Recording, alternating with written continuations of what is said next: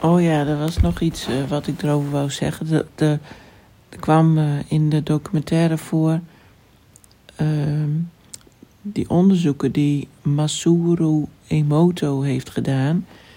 Daar heb ik zelf ook een boekje over. Over wat gevoelens of woorden of gedachten uh, met je cellen kunnen doen. Dus dat, dat heeft allemaal een energie, woorden, gevoelens of gedachten. Dus als je een, uh, een, bijvoorbeeld tegen een glas water zegt van um, klootzak of uh, nou iets negatiefs, dan dat gevoel komt er dan ook bij dat, dat dat, dat, maar ja, nou ja, ik kan het even niet zo goed uitleggen, maar je maakt dan een frequentie aan, om maar zo te zeggen. Die energie die stuur je uit, die zend je uit naar dat water, dat komt in dat water en dat beïnvloedt de cellen van dat water. Dus die, die celstructuur die verandert. En dan kunnen ze, uh, als je dat water naar, ik geloof, vlak voor, vlak voor het vriespunt uh, brengt, uh, dan uh, kunnen ze die cellen fotograferen en dan zie je dus de kristallen van die, van die cellen. En dat deden ze natuurlijk eerst als het water dan nog neutraal is. En dan, dan met dan, dat iemand negatieve dingen tegen het water zegt, zie je het verschil dat die cellen helemaal kapot gaan. Die hele structuur uh, is weg. En als je dan uh, tegen hetzelfde glas water, kan ook een andere zijn, maar je kan dus ook hetzelfde doen om te kijken of het kan helen. En dan liefdevolle dingen. Dus ik hou van jou, je bent geweldig, ik waardeer jou, um, um, prachtig, uh, liefde. Gewoon allemaal woorden die die hoge frequentie uitzenden dan zag je dat dus dat allemaal weer heelt en dat je dus de meest prachtige kristallen krijgt in die cellen. En um, aangezien wij natuurlijk ook uh, voor 70 of 80 procent of zo uit water bestaan, en eigenlijk alles uit water, uit, voor het grootste gedeelte uit water bestaat, um, kun je nagaan wat dat met je doet. Hè? Als je dus een programmering in jezelf hebt van ik ben verschrikkelijk en ik kan er maar beter niet zijn.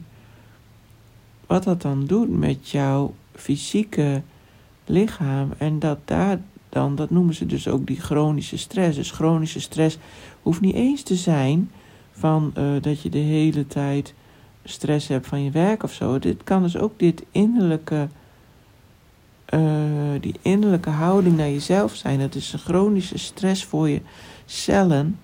En het, en verwoest dus helemaal uh, de diepste laag van jouw cellen. Ook al kunnen die zich weer vernieuwen. Maar als jij de hele tijd weer die boodschap uitzendt. Zelfs ook al is het dus onbewust, omdat het onverwerkt is en noem maar op. Uh, dan is het vrij logisch dat daar ziektes uit ontstaan of chronische aandoeningen. Ja, dat is natuurlijk zo logisch. Dus dat die onderzoeken van die Masuru Emoto, dat is gewoon baanbrekend geweest. En dat wordt ook heel erg meegenomen in de kwantumwetenschappen. Uh, um, want dat, dat, is, dat is gewoon enorm bepalend. Ze, ze, doen, ze kunnen dus ook vervuilde uh, meren kunnen ze, uh, hebben ze die foto's van gemaakt van die, van die waterkristallen, van die cellen. Dat het dan echt helemaal verschrikkelijk uh, is. Helemaal, er zit geen, helemaal geen kristal meer in. Het is helemaal zwart en drapperig. En dan kunnen ze dat helen met hele groeps meditaties en noem maar op, positieve frequenties sturen. En dan, dan is zo'n uh, meer, bij verschillende dingen hebben ze dat gedaan, is de vervuiling ook gewoon weg. En wat, wat die mensen in die documentaire moeten doen, die moeten dus ehm, liefde gaan voelen voor zichzelf en voor het innerlijke kind. En positieve dingen tegen zichzelf zeggen. Ook echt voelen. Dus je moet eerst ook ehm, pijn en verdriet, dat moet er eerst uit. En dat bedoelde ik met dat, dat het voor mij wel bekend was, omdat ik wel energetisch lichaamswerk heb gedaan en van die intensives en zo, heel heftige oefeningen allemaal. En hier in deze documentaire moest ook een vrouw dan heel hard schreeuwen. En je ziet dan dat ze eerst heel weinig kan schreeuwen. Alsof die keel erg geblokkeerd is. Ze kan daarna ook haast niet gewoon praten. Je, dat, dat is helemaal geblokkeerd. En uiteindelijk kan ze steeds harder schreeuwen. En dan moet ze ook huilen. En dan is er toch iets wat uitgekomen is. Oude boosheid. Wat naar binnen gestopt is. Ja, dat doet me denken aan een intensive die ik ook heb gedaan. Dan moest je ook met een ding ergens op slaan. Buiten. Ik weet niet meer precies wat voor een soort kussending. Ik weet niet hoe dat heet. En ik zei, nou, ik heb helemaal geen boosheid. En toen zeiden ze, ja, maar je moet eerst gaan slaan. En dan, dan, uh, dan pas weet je dat. Misschien heb ik dat ook al wel eens verteld, bedenk me nu. Dat weet ik ook niet meer.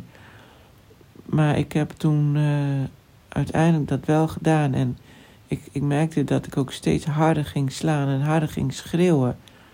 En dat er dus heel veel boosheid zat, wat er allemaal uitkwam. Waarvan ik dat helemaal niet wist.